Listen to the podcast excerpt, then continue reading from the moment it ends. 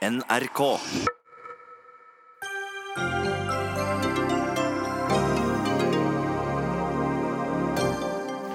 Det er ingen grunn til å tro at Carl I. Hagen blir valgt til Nobelkomiteen. Det sa stortingspresident Olemic Thommessen i dag, da han la frem valgkomiteens innstilling. Men um, Hagen selv har ikke tenkt å gi opp kampen for å få en plass i komiteen, som deler ut Nobels fredspris hvert år. Begge er med her i Dagsnytt 18. En tidligere KrFU-politiker sa fra om både trakassering og forfølgelse i partiet, men ble ikke hørt.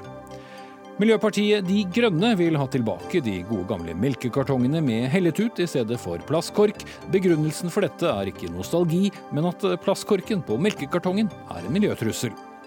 Og Arbeiderpartiet og Senterpartiet sørger for å frarøve Sylvi Listhaug instruksjonsmyndigheten over klageinstansen for utlendingssaker.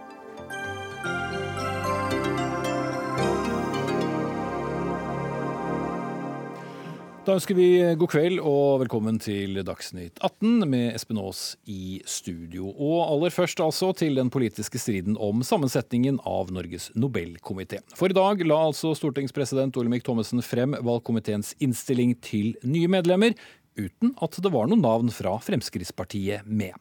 Det nest største regjeringspartiet vil at Frp-veteran og vararepresentant til Stortinget, Carl I. Hagen, skal få plass i denne prestisjetunge komiteen etter Inger Marie Ytterhorn. Selv regjeringspartner Høyre vil ikke støtte Hagen. I morgen skal Stortinget votere over saken, og Fremskrittspartiet holder fast ved at de må få anledning til å stemme på sin kandidat. Og bare for å forklare det rent praktiske, Nobelkomiteen skal ha fem faste medlemmer. Hvis de følger denne innstillingen, så kommer to nye inn, i tillegg til to som ikke er på valg, og dermed så er det fremdeles en ledig fast plass. Så, Olemic Thommessen, stortingspresident fra Høyre. Vi står altså ved inngangen til den store fredsprisfesten med utdeling søndag i rådhuset her i, i Oslo. Eh, hva syns du om denne opptakten til det hele? Jeg syns det er litt viktig at vi nå får avsluttet eh, dette i morgen. Jeg tenker at det har vært eh, en ganske støyete runde og en krevende runde. Og at det er en, en, diskusjon som bør være tilbakelagt når vi i helgen skal glede oss over og feire de som har faktisk har fått nobelprisen. Mye vitner jo ikke helt om å ha lagt det helt bak oss ennå. Forklar oss hvorfor har dere ikke tatt med Carl I. Hagen i innstillingen i år? Altså Flertallet i valgkomiteen, som jo også avspeiler et veldig klart flertall på Stortinget, har prøvd å avveie de to hensynene som det har vært strid om. På den ene side å understreke avstanden mellom storting og Nobelkomité, og i det ligger jo det at man da ikke ønsker å velge en som er varamann til Stortinget. På den annen side å ivareta det prinsippet som vi arbeider etter, og som også er viktig, nemlig at partiene selv finner de kandidatene som skal fylle de vervene partiene får på Stortinget. Så øh, dette går ikke helt i hop. Øh, og da har jo, for å si det litt enkelt uten å pakke det inn i altfor mange formaliteter, så har man jo landet på at man da øh, velger de som velges kan. Og så mener man altså at Fremskrittspartiets kandidat eh, ikke kan velges eh, et, på bakgrunn av et vedtak Stortinget gjorde tirsdag, som understreker da dette med at man ikke skal ha eh, vararepresentanter eller representanter inn i Nobelkomiteen, og så setter man det rett og slett på vent. Mm. For her er jo det ivaretatt at Fremskrittspartiet vil på et senere tidspunkt kunne komme tilbake Eh, fremme en kandidat eh, som eh, ikke da provoserer den grensen som flertallet har satt, og har en god forventning om at den blir valgt. Men hvis da noen likevel kommer opp med et forslag på den tomme stolen, om du vil, i morgen, og denne personen viser seg å være Carl I. Hagen, hva skjer da? Nei, Det vil jo bli truffet et vedtak om hvor mange representanter Stortinget skal velge ved denne korsveien. Og da har jeg lyst til å si at, det er klart at Stortinget skal velge alle eh, representantene til Nobelkomiteen, men det er ikke sagt når man må gjøre det. Så, ehm, men det kommer da et, et, vedtak, eh, har vi all grunn til å tro, da, i morgen, som sier hvor mange som skal velges. Og når de plassene er fylt, så vil det altså ikke være noen plass igjen eh, til Fremskrittspartiets kandidat, ehm, som da ikke vil bli stemt over. Kan man altså avskjære FrPs mulighet til å, å velge inn Carl I. Hagen på den måten? Ja, det mener jeg at vi har dekning for i uh, forretningsorden og de kjørereglene vi bruker på Stortinget. Og uh, ja, Det er en løsning som man har funnet frem til, og for, for, og for, å forene de to hensynene jeg var inne på innledningsvis. Jeg må jo bare spørre, som regjeringsparti overfor et annet parti. Det kan jo ikke bare være enkelt når et samlet parti står bak sin kandidat, og så skal dere gå imot det? Ja, så Fra Høyres side så um, stemte jo Høyre mot det forslaget til vedtak som var på tirsdag. Når det er gjort, så har jo Stortinget truffet et vedtak om en regel. Og da har altså Høyre valgt å, um, er lojale til, uh, til det. Mm. Korriger meg gjerne, men så vidt jeg forstår så er dette første gang i historien at et parti ikke får gjennom sin eh, kandidat. Ehm, ja, Det var jo pussig at det skulle skje akkurat da Carl I. Hagen ble, ble foreslått. Ja, Det er jo foranlediget av den formelle posisjonen Carl I. Hagen har som, eh, som eh, varamedlem til Stortinget. Så dette er jo et prinsipp man har jobbet etter i mange, mange år. Så vil jeg nok si at det, har, det er nok lett å påvise at det har vært litt strukket og trukket i det prinsippet. Men det er klart, gjennom de senere årene så har eh, nei, Nobelkomiteens eh, selvstendige stilling i forhold til Stortinget vært satt på prøve. Vi har hele situasjonen rundt eh, forholdet til Kina. Og i flere og flere sammenhenger internasjonalt så liksom reiser spørsmålet om komiteen er selvstendig i forhold til politiske myndigheter i Norge. Og det tror jeg man i alle kretser på Stortinget opplever nå at det er veldig viktig å få satt på plass. Derfor skal vi jo nå til å lage et, et regelverk. Det Fremskrittspartiet har fremmet et forslag om dette, og det er også jeg har fremmet det, og det er flere, kommer fra flere kanter. Arbeiderpartiet har jo også signalisert at spørsmålet om internasjonale verv bør inn i dette bildet, og der ligger det jo en undertekst med tanke på, på Jagland. Så jeg tror det er en ganske sterk forståelse av at dette er veldig viktig og nødvendig for Stortinget å få på plass og ryddig regelverk rundt, slik at vi slipper runder som dette i fremtiden. Og at vi slipper også at eh, når det går politikk i det, at disse reglene blir strukket og trukket i. Da sier vi takk til deg, stortingspresident Olemic eh, Thommessen. Vi skal gjøre plass til Carl eh, I. Hagen. Eh, dere ønsket ikke å debattere mot hverandre, så da eh, sier vi velkommen til deg, Carl I. Hagen. og før sending så sa du til oss at du ønsket kunne svare på spørsmål om det tekniske og konstitusjonelle i denne saken. Jeg må jo likevel spørre, mange lurer nok veldig på hvordan du har det nå, midt oppe i denne saken. Noe som normalt sett kanskje tar minutter, tar nå uker. Ja, Det er ganske tøft, og tydeligvis fra Stortingets flertall er jeg en uønsket person. Og det er jo slik at Dette spørsmålet om en vararepresentant kunne velges, den dukket først opp etter at mitt navn kom frem. Det har vært mange debatter om om stortingsrepresentanter bør sitte i Nobelkomiteen. Eh, de har aldri fattet noen vedtak om det. Og vararepresentanter har aldri vært nevnt. En stakkar som møter kanskje en tre-fire ganger i året, eh, to-tre dager skulle være bundet. Alle de som er vararepresentanter har jo et annet yrke, de har et annet liv. Bare av og til inne. At de liksom skulle være bundet, og særlig når Arbeiderpartiet, som er i spissen av denne kampen mot meg, selv eh, valgte Jagland og lot ham møte i Nobelkomiteens møter i hele 2009, før det var stortingsvalg. Så her må jeg bare konstatere at det er folk som ikke liker meg, som syns ikke jeg fortjener å få en plass jeg har hatt lyst på og som eh, går til de skritt at de bryter Stortingets forretningsorden, de går imot eh, et, hva du kan kalle konstitusjonell sedvanerett, og gjør, bryter alt bare for at man skal ikke ha en Carl I. Hagen i Nobelkomiteen. Jeg syns det er litt eh, trist.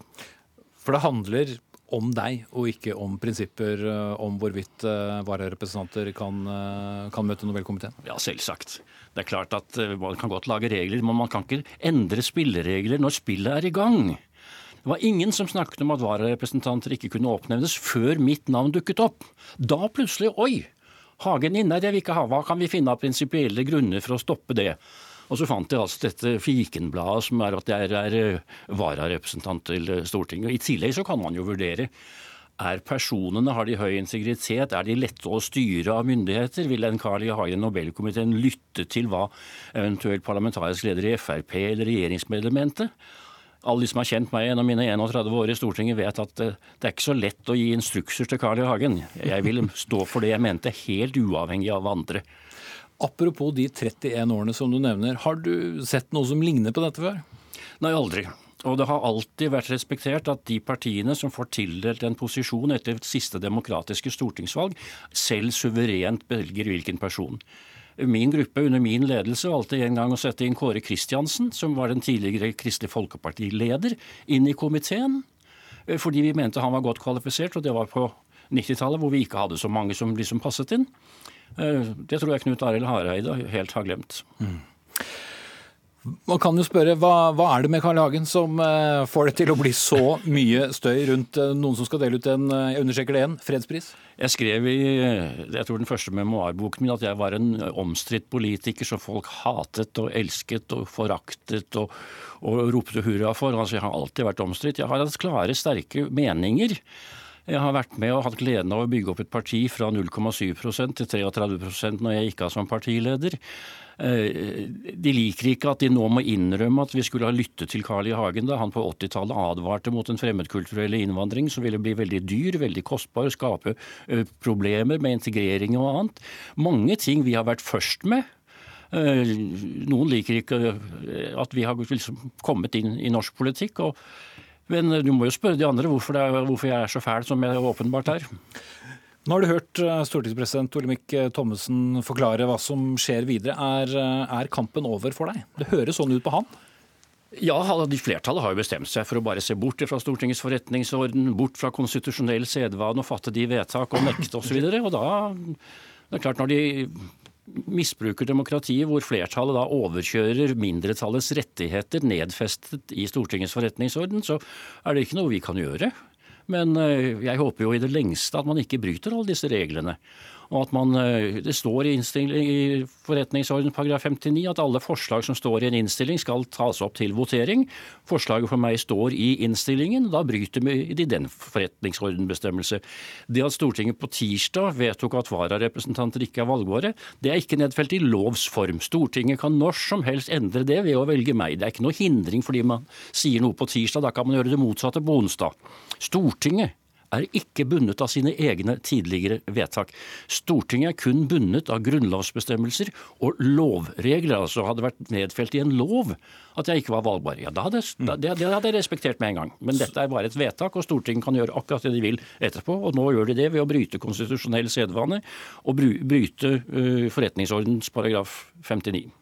Og bare da for å ta opp akkurat det samme poenget, så mener du også at uh, man da i morgen kan si at uh, Eller noen kan si, hør nå her, vi har faktisk uh, tre og ikke to kandidater. Tredjemann er Carl I. Hagen. Og så lenge ingen stopper det, og minst én person eller flere stemmer for deg, så kan du være, uh, fylle den siste stolen? Ja, Hvis stortingspresidenten og flertallet, som der hvor Arbeiderpartiet er i spissen, det er helt riktig, Høyre stemte imot dette forslaget om at jeg ikke skulle være valgbar, så det respekterer jeg fullt ut. Men det er ingen som ville kunne gå til en domstol hvis uh, man setter forslaget om meg til votering skriftlig. Da er det som du sier nok at én setter opp mitt navn, og selv om alle de andre sedlene er blanke. Men det er klart når de misbruker sin flertallsmakt ved å bryte forretningsordens paragraf 59 og bryte den sedvaneregel om at man blander seg ikke bort i hvilken person de andre partiene putter inn i de verv de er tildelt. Og når de selv har brutt det så sent som med Torbjørn Jagland og Ågot Valle, som var representanter i, i tillegg. Og så snakker de om uavhengighet. Det er jo litt rart akkurat når man ser på den siste gangen også, for så vidt Torbjørn Jagland ble valgt. Da, det var helt greit. Mm. Så dette er, som flere aviser har skrevet, det er Lex Hagen. Det er en, laget egne bestemmelser om man bryter lover og, eller forretningsorden og sånt for å bare si at nei, vi vil ikke ha Carl I. Hagen i Nobelkomiteen. Og ut fra hvordan du ordlegger deg nå, så kan det jo høres ut som eh, du er enig med Olemic Thommessen i Altså teoretisk sett kanskje ikke, men ut fra hva han har sagt, så, så er denne saken nå, nå, avsluttet. Og det er ikke så mye spenning knyttet til morgendagen for din del? Jeg syns det er stor spenning. For én ting er å snakke om å bryte forretningsorden og ikke gjøre det som er sedvane. En annen ting er å gjøre det. Da har man strukket strikken så langt og viser litt, syns jeg, forakt for de demokratiske spilleregler som jeg med glede var med på å respektere i mine 31 år i Stortinget.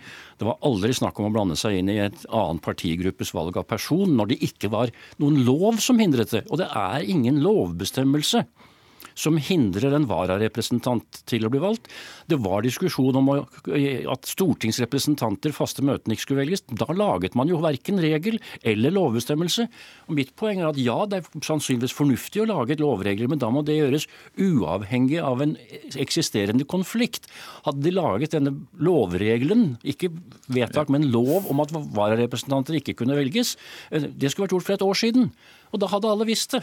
Da hadde jeg også visst det før jeg lot meg nominere til, til, Stortinget. Og hadde da aldri blitt nominert og heller aldri blitt innstilt, for da hadde det vært et lovverk der som, som ville Helt, stanset Ja, da hadde det vært et lovverk som du kan gå til domstolen hvis Stortinget bryter. Men hvis Stortinget bryter et vedtak de fattet for to dager siden, så er ikke det noe domstolen kan gjøre noe med, for de må følge lover, ikke enkle vedtak. Og jeg kan nevne Stortinget hadde et regelverk i årevis som sa at grunnbeløpet i folketrygden skulle reguleres i takt, om lag i takt med pris- og lønnsveksten.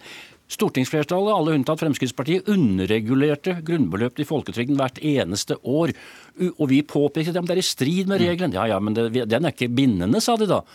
Nå gjør de avkall på å gjøre akkurat det motsatte. De unnskylder sin kamp mot Carl I. Hagen ved å vise til dette med vararepresentant, som er helt irrelevant.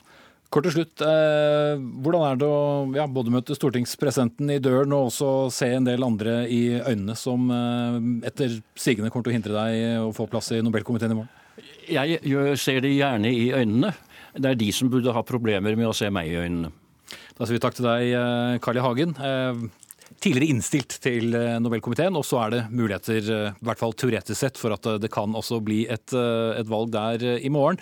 Det er tid for kommentatorer her i Dagsnytt 18-studio nå. Begynner med deg, Lars Nehru Sand, politisk kommentator i NRK. Nå har vi hørt Thommessen forklare hvordan dette blir, og du har vært i Stortinget før i dag og, og hørt. Hvordan skal vi vurdere det han sa? Er det nå sementert?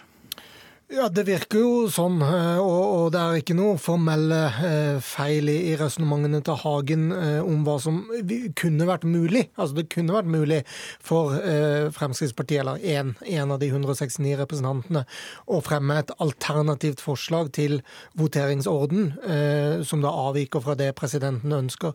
Men sånn som jeg forstår, så, så er da tanken at dersom det skulle skje i morgen, så vil presidenten ta det til avstemning i salen. og da vil det ikke være flertall for det, gitt at eh, det samme flertallet som støtter intensjonen i det foreslåtte vedtaket, som da altså ikke innebærer at Hagen blir valgt, også vil støtte den eh, eh, voteringsordenen som presidenten foreslår, og det dermed da vil være flertall for det. Og så har Hagen nok rett i at eh, det har vært eksempler på, opptil flere, at, at presidenten har avveket sitt opprinnelige foreslåtte voteringsopplegg. Men når det ikke skjer i morgen, så er jo det det fordi presidenten nok vil ha rett i at eh, den situasjonen vi er i i morgen, heller ikke har skjedd før. Eh, og også at eh, flertallets intensjon er ivaretatt ved det opprinnelige forslaget til votering, som da legger grunn, til grunn at, at, det blir et vedtak hvor det velges inn ett medlem og ikke to, og det ene medlemmet fastmøtende ut perioden da ikke er Carl I. Hagen. Politisk redaktør i Dagens Næringsliv, Kjetil Aastadheim. Hva vil Fremskrittspartiet oppnå med å likevel tviholde på at Carl I. Hagen er deres egen eh, kandidat, mens eh, det står skrevet med ganske store bokstaver at eh, det kommer ikke til å skje? Det er, virker som det er flere i, i den stortingsgruppa som, som, er veldig opptatt av å, å, å, prøve å gi dette vervet til Carl I. Hagen som en en hedersbevisning for eh, lang og tro tjeneste i partiet. Eh, og at eh, egentlig hele saken nå er litt sånn overtatt av Carl I. Hagen selv. Vi ser jo, Han er jo her, f.eks. Eh, og han gikk rundt på Stortinget i dag i vandrehallen som en, en, litt sånn gammel sirkushest som lukter sagmugg, og, og, gjør gamle kunster, gikk rundt med forretningsorden og sånn, og prøver å, å, å, kjempe sin egen sak. Det er en ganske spesiell situasjon. at det, det, har jo aldri skjedd før at en kandidat til Nobelkomiteen driver sin egen kampanje rundt omkring på Stortinget og i mediene og, og prøver å gå opp opp juridiske veier i stortingsreglementet for at han skal bli valgt. Så det viser jo at for Hagen og for Fremskrittspartiets stortingsgruppe så handler nå dette om hensynet til Carl I. Hagen, ikke hensynet til Nobelkomiteen.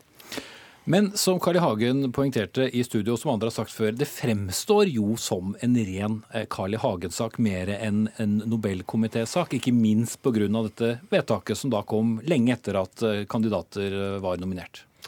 Ja, og det er jo, Du kan godt si at det hadde vært uh, kanskje ryddigere om, om flertallet også hadde sagt det. At, uh, at uh, Carl I. Hagen er flink til veldig mye, men ikke å sitte i, i, i Nobelkomiteen. Men, men, man har jo ønska å, å, kjøre en, en prinsipiell argumentasjon. Og det er også et, et prinsipielt ryddig vedtak som faktisk kommer ut av dette, som også Dagens Næringsliv skriver på, på lederplass i dag. At, at, man faktisk får rydda opp i at man gjør eller regel fester noen av de eh, uskrevne reglene som, som, har vært rundt hvem som faktisk er eh, valgbare. Eh, det som, som, jo tydelig kommer frem også, er at for, for, Frp så handler dette noe om å vise en lojalitet til Hagen. Eh, de har sagt at han skal være deres kandidat.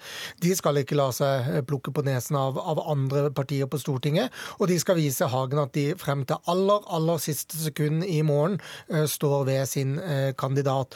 Og så er det jo det intervjuet du nettopp har gjort med, med Carl I. Hagen, viser jo også for Hagens del eh, at dette eh, handler jo ikke bare om formaliteter, det handler også om en eldgammel vis i norsk politikk. Om han som personifiseringen av at for det etablerte Norge, eh, eliten eller hva man skal si, så har ikke Carl I. Hagen og, og, senere da Fremskrittspartiet vært god nok. Og dette er nok et eksempel på den historien der. Og derfor er det en historie som også passer ikke bare Hagen som person, men Frp som parti ganske godt. Mm. Altså. Ja, jeg synes jo noe av det som eh, altså, Carl I. Hagen og Fremskrittspartiet har jo rett når de peker på at eh, dette har ikke vært en konsekvent regel. Eh, det er flere eksempler på, på andre som er valgt, som, der, som, har vært inne altså Torbjørn Jagland er jo han, den som trekkes frem eh, oftest. Han var stortingspresident da han ble valgt. Han var riktignok på vei ut av Stortinget, men han var fortsatt stortingspresident og stortingsrepresentant.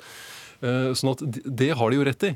Men Fremskrittspartiet har jo vært et parti som har argumentert for at dette burde være strengere. Og at man burde praktisere dette mer konsekvent. Og så har man hatt hele diskusjonen etter, eh, etter fredsprisen til Liu og konflikten med Kina.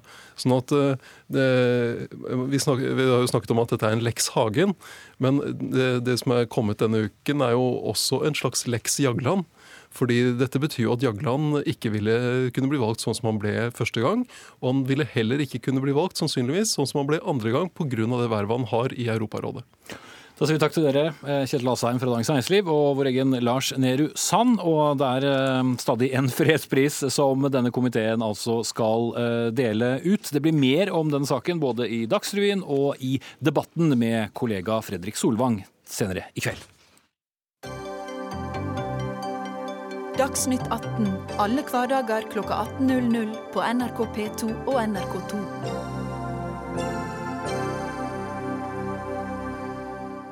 Da skal vi til historien om den unge politikeren som varslet KrFU-ledelsen at hun ble trakassert av et annet medlem og opplevde å ikke bli tatt på alvor. Julia Sandstø er en av de mange kvinnene som den siste tiden har gått ut og fortalt om sin opplevelse av trakassering. I en sak i Aftenposten forteller hun om et annet medlem av ungdomspartiet, mange år eldre enn henne, som oppførte seg trakasserende, en oppførsel som hun forteller varte i flere år. Du er med oss i Dagsnytt 18 i kveld, og la oss eh, før vi begynner å snakke sammen, også presisere at vi har snakket med eh, morpartiet, altså Kristelig Folkeparti i dag, med tilbud om at de også kunne komme i studio og kommentere saken. Det har de takket nei til, og sier at de ønsker å diskutere denne saken utenfor mediene. Men Julia Sandstø, du er fortsatt ungdomspolitiker i eh, Kristelig Folkeparti Ungdom. Mm. Helt først, hvordan artet denne saken seg for deg? Nei, altså hele historien er jo skildret i Aftenposten med detaljer. Eh, men jeg kan fortelle veldig kort, og det var at jeg fikk en mentor da jeg var 16 år. Eh, han hadde et sentralt verv som trakasserte meg da seksuelt. Eh, både på melding, telefon, han ringte andre i partiet og prøvde å grave i, grave i sexlivet mitt. Eh, og tilnærmingene ble såpass grove at jeg sa ifra til ledelsen. Um, og etter at jeg sa fra, så fikk han et høyere verv. Og det gjorde det ekstremt vanskelig for meg uh, å fortsette å være aktiv i KrFU. Og så vil jeg bare si det, at jeg syns det er veldig synd at KrF uh, velger å ikke møte opp her, fordi jeg ønsker å skape en dialog som fører til en endring. Um, ja. ja, og for å få til den eh, dialogen, så måtte du gjøre noe annet enn å varsle innad. Du måtte gå ut og, og offentliggjøre saken. Ja, jeg har prøvd å ta dette her internt. Eh, og måten ledelsen har eh, reagert i media etter at jeg gikk ut, viser jo at dette her fortsatt er et problem. For de ønsker jo ikke å legge seg flate, de ønsker ikke å beklage seg, men de beklager at jeg følte det sånn. Hva er en god nok eh, behandling for deg, da? Um, nei, altså De sier jo at de har fulgt retningslinjene i denne saken, her, men det er åpenbart at retningslinjene ikke er gode nok. Eh, og jeg er ikke noe ekspert på å utforme retningslinjer, men eh, når unge jenter som meg da, på 18 år vurderte å trekke seg ut fra politikken pga. dette Og det skjedde da du var enda yngre? Ja. ja. Eh, og føler seg skvist ut, så tyder jo det på at her trengs en endring til. da. Mm. Så er det sikkert mange som lurer på hvorfor du fortsatt velger å være i partiet? Nei, det er jo fordi eh, jeg er enig med KrFs politikk. Og selv om jeg er uenig med hvordan ledelsen har håndtert dette her, så er det politikken som er viktigst for meg. Du valgte altså å kontakte ledelsen i partiet. Du valgte ikke å anmelde saken, selv om eh, det nok forelå mulig straffbare forhold her. Hvorfor ikke? Det er fordi jeg ble fortalt av eh, ledelsen at dette her ikke var en sak, at det var en gråsonesak. Eh, så jeg, det falt meg ikke inn engang å anmelde, eh, fordi jeg ble hele tiden fortalt om dette her, da. Og hvordan er det å være en som sier ifra? For nå vet vi jo alle at eh, vi har i mange uker snakket om det at man skal si fra. Man skal ta kontakt med ledelsen i organisasjonen, bedriften eller hvor det nå hører til. Hvordan er det å være den personen som gjør det? Nei, eh, jeg ventet jo egentlig på at det var flere som skulle stå frem, men så var det ingen som gjorde det. Eh, da er jeg på en måte den første ungdomspolitikeren som faktisk gjør det, da, og kritiserer ledelsen. Eh, og det har vært veldig tøft å stå frem, både internt og utad. Men jeg håper at flere følger etter, da. Hva har skjedd etter at du valgte å stå frem og altså var på forsiden på en av landets største aviser? Eh, jeg har fått veldig mye positiv respons, for det første. Det må jeg bare si. Eh, og flere som forteller sine historier til meg, og det setter jeg veldig pris på. For jeg får veldig motivasjon av det. Eh, men hvis du tenker på KrF internt, kanskje, ja, så er det jo det at de prøvde å få meg til å trekke saken før den kom ut. Og nå har de ikke ønsket å beklage seg eller legge seg flate, og beskriver denne situasjonen her som en sprikende situasjon, eller en forklaring på saken. da. Og jeg har vært ute i Aftenposten, og vi har dokumentert alt dette her. Jobbet veldig lenge med saken. Som alt, som, alt som står der, er jo sant. Eh, og det vondeste for unge jenter som meg da, i politikken, er jo ikke bli trodd. Men du velger å fortsette i partiet, regner du med?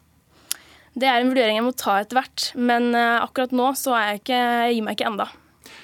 Burde du ha anmeldt saken når du ikke kom eh, videre innad i egen organisasjon? Eh, det burde jeg nok, eh, men jeg fikk jo på en måte resultat, fordi da VG ble tipset, eh, så la det veldig press på ledelsen.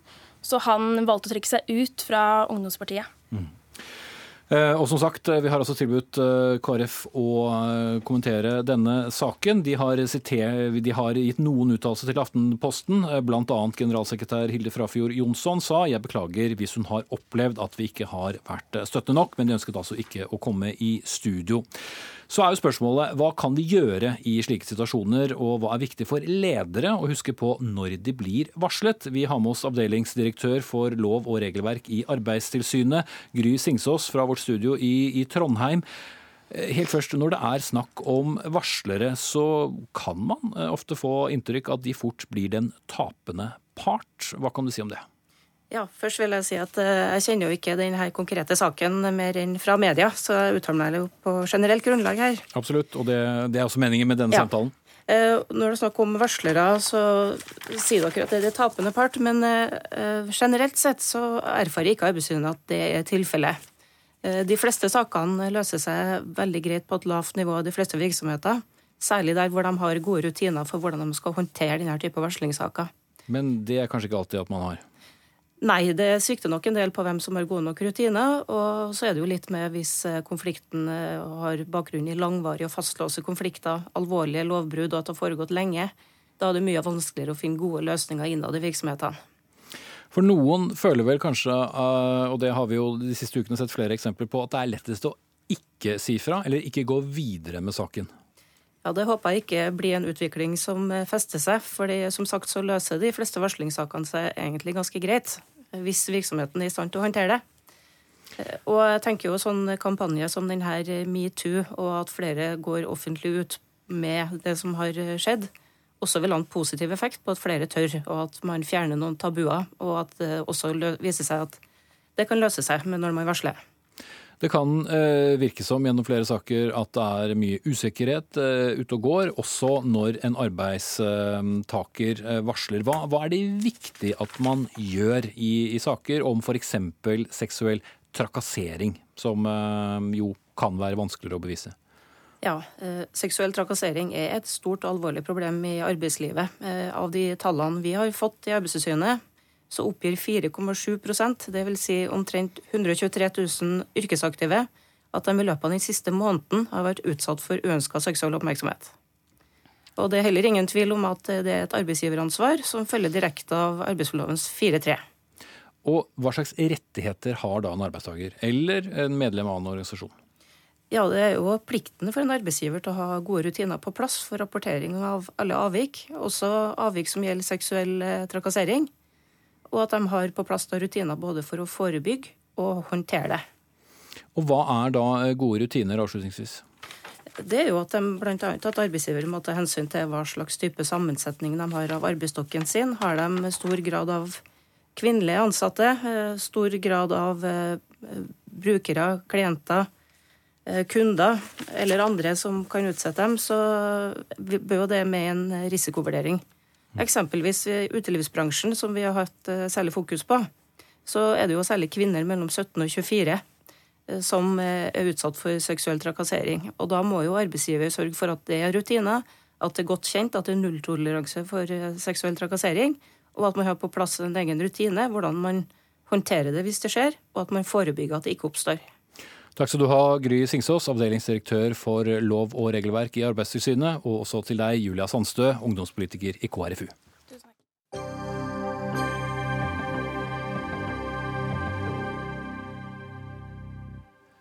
Thomas Eriksen, som er gruppeleder i Ringsaker MDG, altså Miljøpartiet De Grønne, har et ønske til jul. Og det er at Tine Melk skal fjerne plastkorken på melkekartongen. Men det venter ingen gavepakke under tre for ham i år, for de vil ikke endre denne plastemballasjen. Og Bjørn Malm, leder for samfunnsansvaret i Tine Melk, er det ikke et ja, si, samfunnsansvar å redusere plastavfall?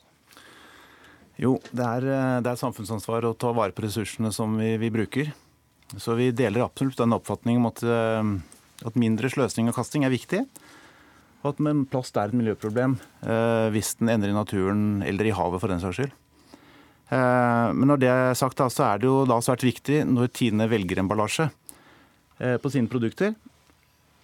Den emballasjen eh, har jo mange oppgaver. den skal ta vare på, produktet fra vi begynner å produsere den, gjennom transporten til den er i butikk.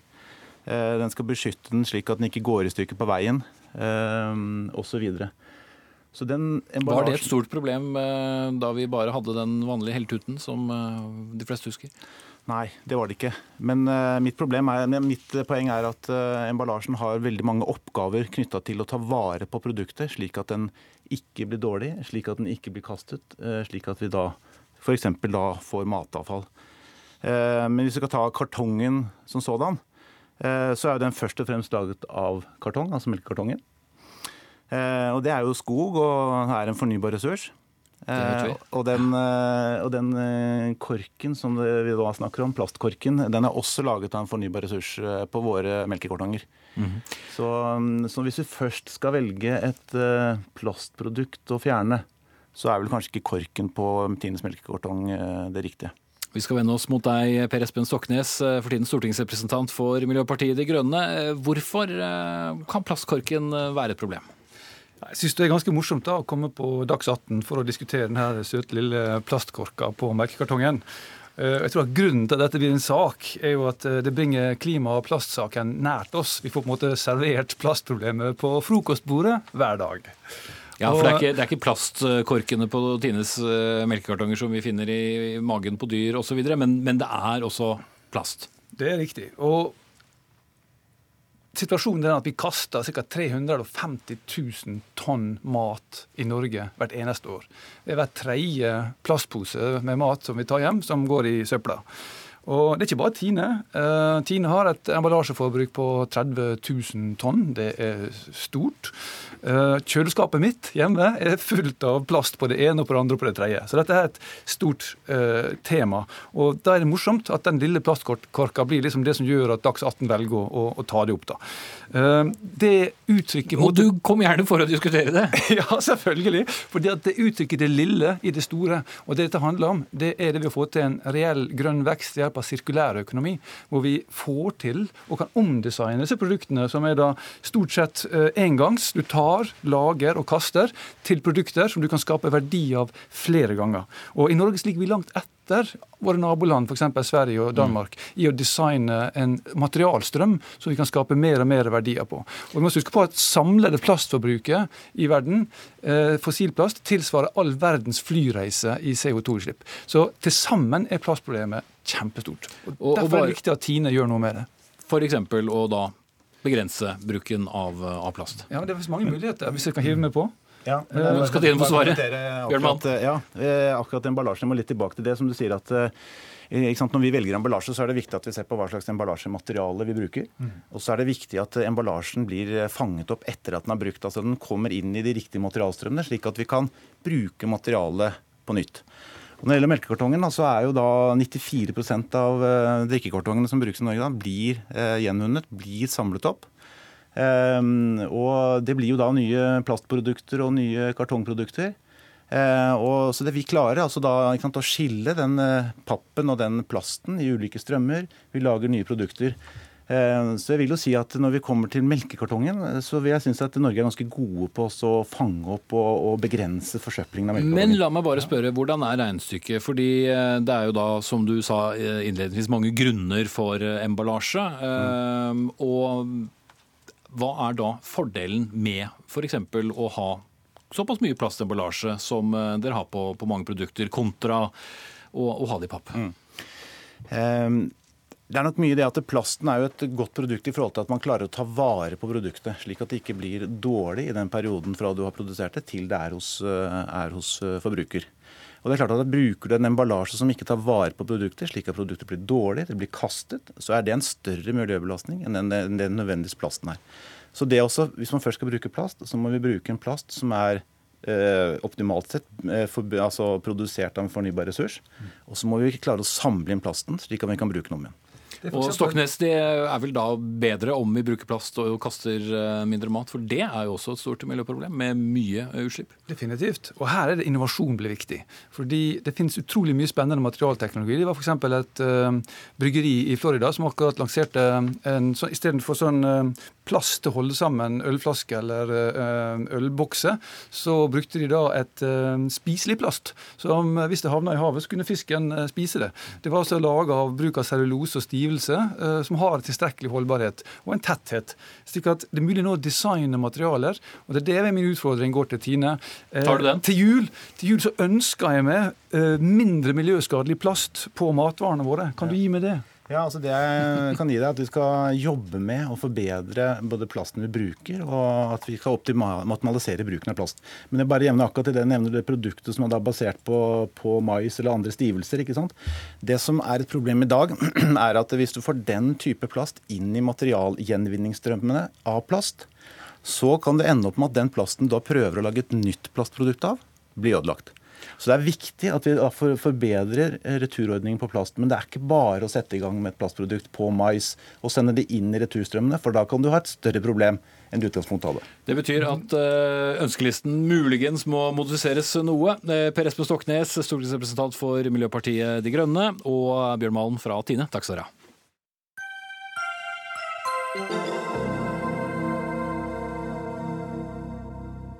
Regjeringen kommer nå til å miste instruksjonsmyndigheten overfor UNE, som er klageinstansen for utlendingssaker og statsborgersaker. I praksis er UNE dermed tilbake som et selvstendig, domstollignende organ. Det var i november 2015 at regjeringen sørget for å hasteinnføre en rekke midlertidige innstramminger i norsk asylpolitikk. Senterpartiet og Arbeiderpartiet støttet innstramningene den gangen, men sørger nå for flertall for å avvikle det hele. Og eh, Jon Engen eh, Helgheim, du sitter i Stortingets kommunal- og forvaltningskomité for Fremskrittspartiet og er innvandringspolitisk talsperson for partiet. Hvor stort eh, politisk nederlag er dette både for Sylvi Listhaug og regjeringen? Nei, Først og fremst er det et nederlag igjen for Norge og norsk asylpolitikk. og Det har blitt en tradisjon denne høsten at vi møtes her for å diskutere Arbeiderpartiets initiativ til nye oppmykninger i asylpolitikken. Og det er jo ting de lovte i valgkampen, at de ikke kom til å gjøre etter valget. Eh, men nå har det vært eh, gang på gang at det virker som Arbeiderpartiet er mest opptatt av å eh, påføre regjeringen og Sylvi Listhaug spesielt nederlag, mer enn at politikken er fornuftig. Og det syns jeg er bekymringsfullt. Men hvis vi tar det rent politiske, hvorfor er det viktig for en regjering nå å ha fortsatt instruksjonsmyndighet overfor UNE, og dermed gjøre det til et ja, politisk redskap? Og Det er fordi den instruksjonsmyndigheten den gjør oss bedre i stand til å takle uforutsette hendelser. Den eh, kan forberede oss bedre derfor, dersom noe skjer igjen. Og kritikken mot regjeringa i 2015 var jo nettopp at man var for dårlig forberedt. Og så har man gjort en del grep for å være bedre forberedt, for å ha de rette verktøyene, for å handle raskere om det skulle komme f.eks.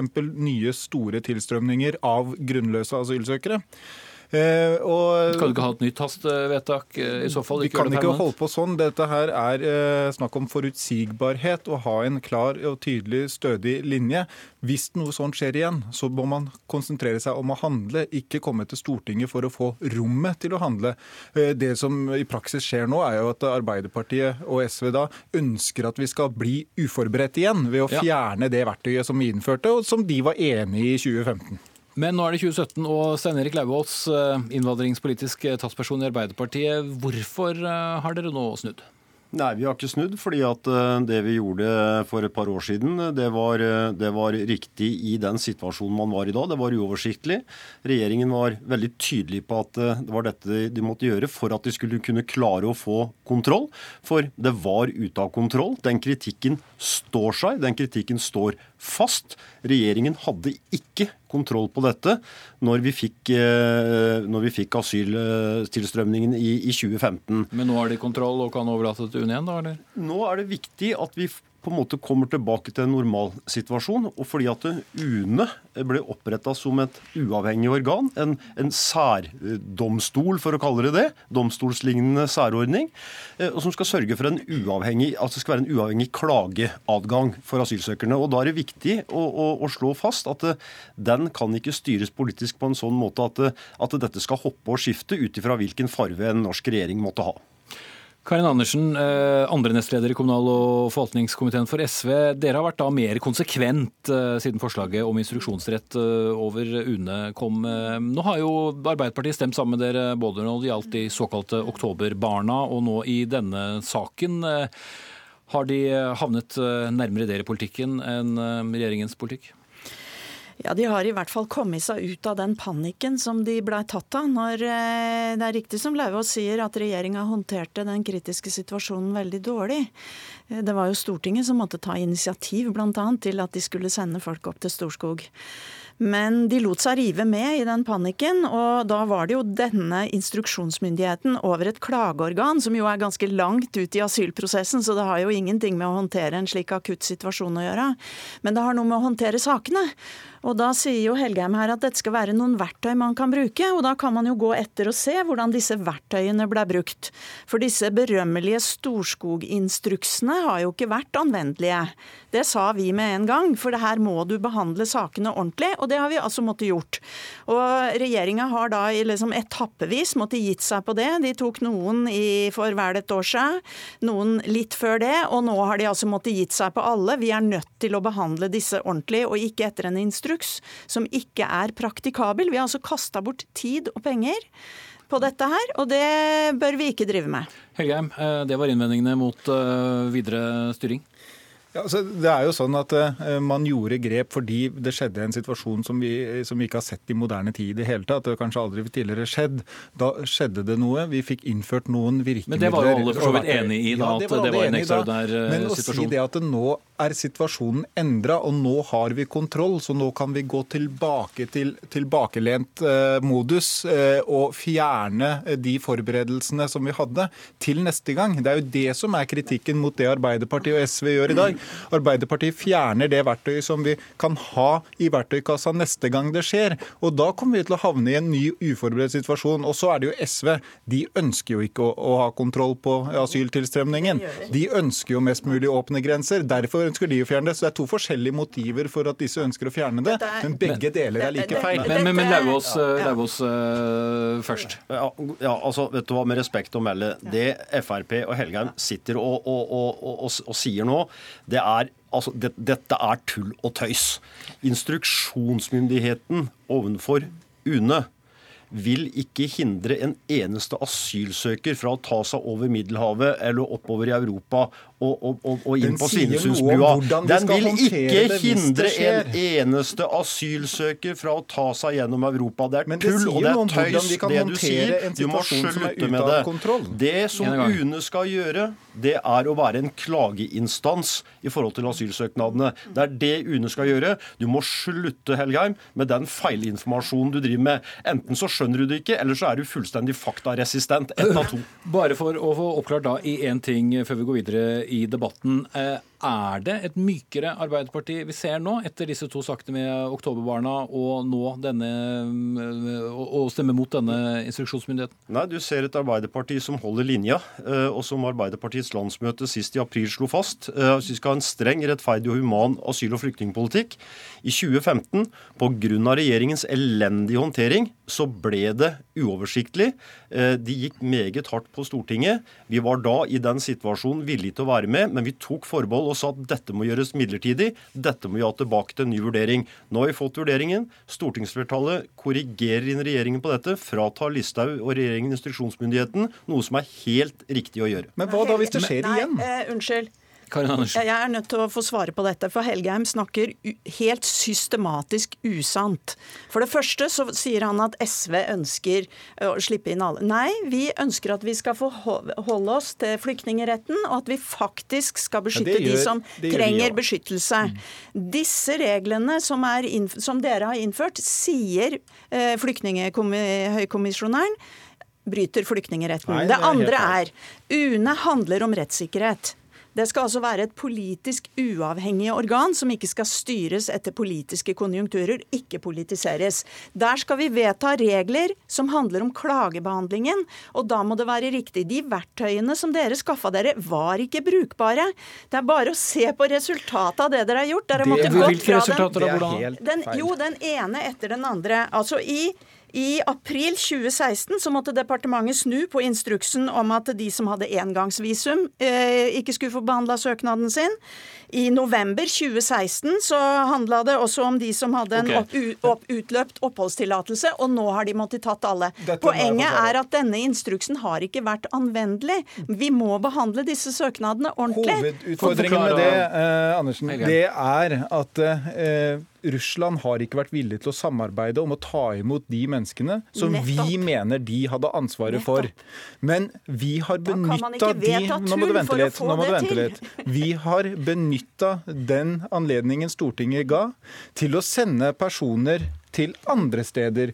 Vi har eh, ja. fått ut ca. 900 personer som ikke hadde noe i Norge å gjøre. Du gikk imot alle disse forslagene. Nei. og Det er derfor jeg sier at uh, summen av SVs politikk er tilnærmet ja, åpne grenser. Nei, og Dere har gått som... imot alle innstramminger. Dette, men det er vi vant feil. med, og dere har i hvert fall en konsekvent linje. Nei. Det er verre med Arbeiderpartiet, som stadig er ute og vingler, og, og ikke har noe konsekvent og har forlatt helt den ansvarlige linja. Og snakker helt systematisk usant. Nei, det, det, det, det, vi, det vi ønsker, er at man skal få behandla søknaden sin ordentlig. Har du opphold, får du opphold. Har du, opp, har du, ikke grunnlag, så skal du ut. De reglene har vi. De dere lagde, var ikke anvendbare, fordi de jo, var ikke praktikable. Okay, men bare for ikke å gjenta det enda flere ganger nå. Eh, jeg vil bare ha deg, Karin Andersson, til å vurdere denne snuoperasjonen som kommer nå eh, fra Arbeiderpartiet og Senterpartiet. For det er jo sånn at dere er jo ikke alltid, eller har i hvert fall ikke vært så veldig enige i, i den politikken som de har ført på, Nei, på dette feltet. Jeg, jeg er positiv til de små endringene som har skjedd, men vi er fremdeles langt unna den streken som Jonas Gahr Støre sa i Stortinget den 14.11, at vi skulle være godt på innsiden av. Og da handler det om ikke å gi opphold til noen som ikke har beskyttelsesgrunnlag, men å være på den sikre siden, slik at vi eh, sikrer at vi ikke sender noen tilbake igjen til forfølgelse. Og Der, der har Arbeiderpartiet latt seg drive altfor langt, bl.a. med å fjerne rimelighetsvilkåret for internflukt. Så jeg håper jo nå at de kan vurdere det også, sånn at vi kan være sikre på at vi er på den riktige siden. Og så skal sakene behandles i UNE, som skal være et selvstendig organ som ikke skal politiseres.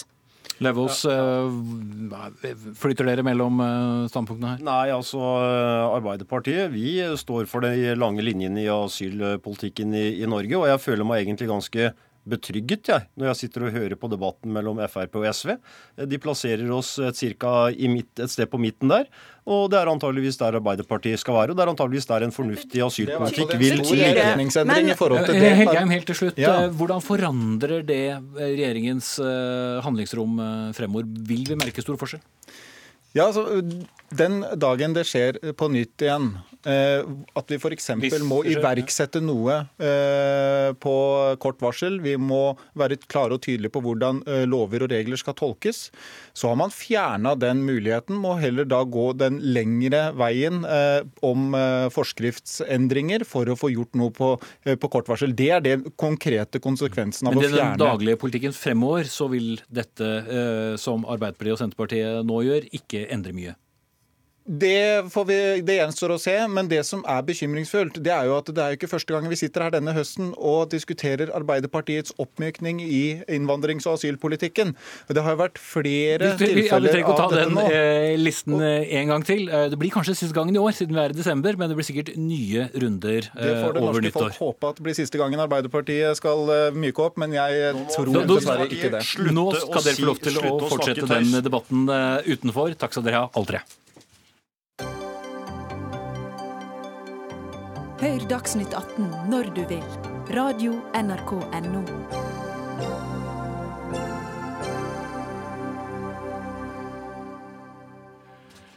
Arbeiderpartiet skal vi snakke mer om. Eh, de fremmet i går et forslag om å citat, legge til grunn at dagens bestemmelser i helligdagsfredloven skal ligge fast. Citat, Med andre ord at det ikke skal legges til rette for søndagsåpne butikker, for ordens skyld også en debatt vi har vært innom tidligere i Dagsnytt 18. Og dette får de trolig støtte til fra et flertall på Stortinget når forslaget behandles over nyttår, ifølge avisen Vårt Land i dag. Og dermed så ser det dårlig ut for FrPs løfte om flere søndagsåpne butikker. Kari Henriksen i familie- og kulturkomiteen for Arbeiderpartiet, du er en av pådriverne. Hva er det dere ønsker å oppnå? Arbeiderpartiet har stått fast på at vi ønsker søndagen som en annerledes dag hele tida. Og vi mener det er en viktig tradisjon i Norge at på søndag så har familie og folk som bor her, anledning til å senke skuldrene og ha fri. Eh, så da foreslår dere noe som allerede fins? Vi foreslår noe som allerede fins, fordi at vi frykter at, at regjeringa nå, når de har, eh, kommer med denne utredninga, så vil de ta, forsøke å ta en omkamp på det som de er blitt eh, eh, egentlig eh, fått beskjed om både fra folk i generalstreik for to år siden. Da var det over 100 000 mennesker som var ute i gatene og sa nei takk til bl.a. søndagsåpne butikker. Vi vet at kundene ikke vil ha det, vi vet at de ansatte ikke vil ha det, og vi vet at frivilligheten ikke vil ha det. Og nå, når vi har et nytt eh, flertall på Stortinget, eller en ny regjering som er mye svakere, sånn at det kan være mulig for å få flertall for et forslag vi også har fremmet før, så fant vi ut at det var et bra tidspunkt å fremme det forslaget, og kanskje få flertall, sånn at regjeringa ikke trenger å bry seg med å finne fram til forslag om å endre helligdagsfredsloven. Silje Hjemdal i familie- og kulturkomiteen for Fremskrittspartiet. Da. Hva syns du om at de kommer med dette forslaget nå? Vi venter jo bl.a. på en utredning om dette som skal komme 5.1. Ja, jeg må jo si at uh, for min del og for Fremskrittspartiets del så er vi skuffet over at uh, Arbeiderpartiet vil konkludere allerede nå. Uh, jeg mener jo det at Stortinget skal ha en saklig og en god opplyst debatt på dette, og lukke ørene for hva dette utvalget eventuelt kommer med. Det syns jeg er vel eh, arrogant. Eh, jeg kan ikke registrere, eller kan i hvert fall ikke huske å ha registrert at eh, det var noen som protesterte på det mandatet som dette utvalget fikk. Men her ser vi igjen en stor prinsipiell forskjell på eh, Fremskrittspartiet og Arbeiderpartiet. Eh, Fremskrittspartiet vil faktisk gjøre folks eh, hverdag enklere, ikke inn og regulere og forby enda mer. Men nå har jo Høyre fjernet dette som punkt i sitt partiprogram også, så hvor stor var egentlig sjansen for at dere skulle få noe flertall? Altså, Jeg snakker på vegne av Fremskrittspartiet og hva vi har gått til valg på. Så får Høyre svare på hvorfor de har ting eller ikke har ting i sitt program. Men vi har nå en regjering som har eh, gitt dette mandatet til dette utvalget, og som er godt i gang med arbeidet. Og der eh, vi venter eh, nå uttalelsen, eller utredningen herfra i januar. Eh, og det har det vært en enighet om å gjøre. og Det er derfor jeg reagerer på at eh, man nå skal legge frem dette og konkludere, før man i det hele tatt eh, har fått denne utredningen. Det vil rett og slett si til dette utvalget og arbeidet de har gjort, at det går rett i bosset, som vi kaller på godt bergensk. Men som Henriksen poengterer, at det er jo ikke akkurat noe folkekrav, kan det se ut som i hvert fall, å, få igjennom søndagsåpne butikker. Så er det da ideologi som tilsier sier at eh, vi må likevel gå en ekstra runde på dette det at, ganske debatterte temaet? Er klart at det er en viktig prinsipiell eh, sak for Fremskrittspartiet å sitte forbrukeren i fokus, og at de skal ha denne valgfriheten. Vi er nettopp partiet for valgfrihet. Eh, men jeg syns jo det er litt merkelig at Arbeiderpartiet fremmer et forslag om en lov som allerede er at man skal bevare den, Samtidig som Arbeiderpartiet er åpen for at eh, man kan ha blomsterbutikker, man kan ha kiosker åpen om søndager. Så det er liksom Du kan kjøpe en bok på Narvesen, men du kan ikke gjøre det i en bokhandler. Og jeg ser ikke den store eh, forskjellen på, på dette. Da skal vi la Kari Henriksen oppklare forskjellen på, ja, på altså, bok og bok, og hvorfor nettopp nei, jeg, jeg, jeg syns jo det er litt underlig at uh, Fremskrittspartiet ikke forstår at de står så alene om det synspunktet. Og det om, å snakke om liksom, liberalisering og være på folks side, det er jo helt feil. Folk vil ikke ha det. NHO vil ikke ha det. De mener at Åpningstid. Men hvis det er så mye motstand mot det, hvorfor kommer dere da jo, med det, forslaget som dere kanskje ikke engang trenger å komme med? Jo, det er fordi at vi vil gi et signal. Regjeringa har fremma det før. De ønsker å ha søndagsåpne butikker. Nå har de nedsatt et utvalg som skal se på alle sider knytta til søndagsåpne butikker. Og vi vil ikke avvise noe annet enn vi sier til regjeringa Akkurat når det gjelder helgedagsfredsloven, så kan dere bare la det ligge. Hvis vi får flertall på Stortinget, så trenger dere ikke foreslå søndagsåpne butikker. Men å endre regelverket og se på forhold som kan gjøre det bedre for både butikkdriverne og kundene, det er vi helt for, og det regner vi med at dette utvalget også vil komme med. Men, jeg må bare så, si en ting. Si, det er jo dette spørsmålet om eh, noen butikker, noen kiosker, noen litt små, halvstore butikker de skal, skal, få åpent. Det fremstår jo fortsatt som litt sånn pussig for å se ja, altså hvordan, du, hvor disse grensene skal gå hen. Du kan si det at uh, det som uh, den forrige um, Arbeiderpartiregjeringa gjorde, var jo at vi nettopp åpna for at noen butikker kunne ha åpent på søndag. Som er greit, altså? Som, ja, det er greit. Fordi at vi regulerte det med størrelse. Og vi sa at det var få butikker som skulle ha det. Og Det er jo en av grunnene til at den søndagshandelen som er tilgjengelig i dag, den fungerer bra. Folk er fornøyd. Det er bare 3% som handler i butikkene hver, hver søndag. Og det er 63% som er enig i at søndagen skal være en annerledes dag, og som, er, e, som er uenig i at det skal være åpent for søndagshandel. Og Det er litt underlig at Fremskrittspartiet ikke lytter til de folkene der ute. Altså, kundene Vi ikke hadde, vi hadde en generalstreik med over 100 000 mennesker i hver krink og krok i Norge.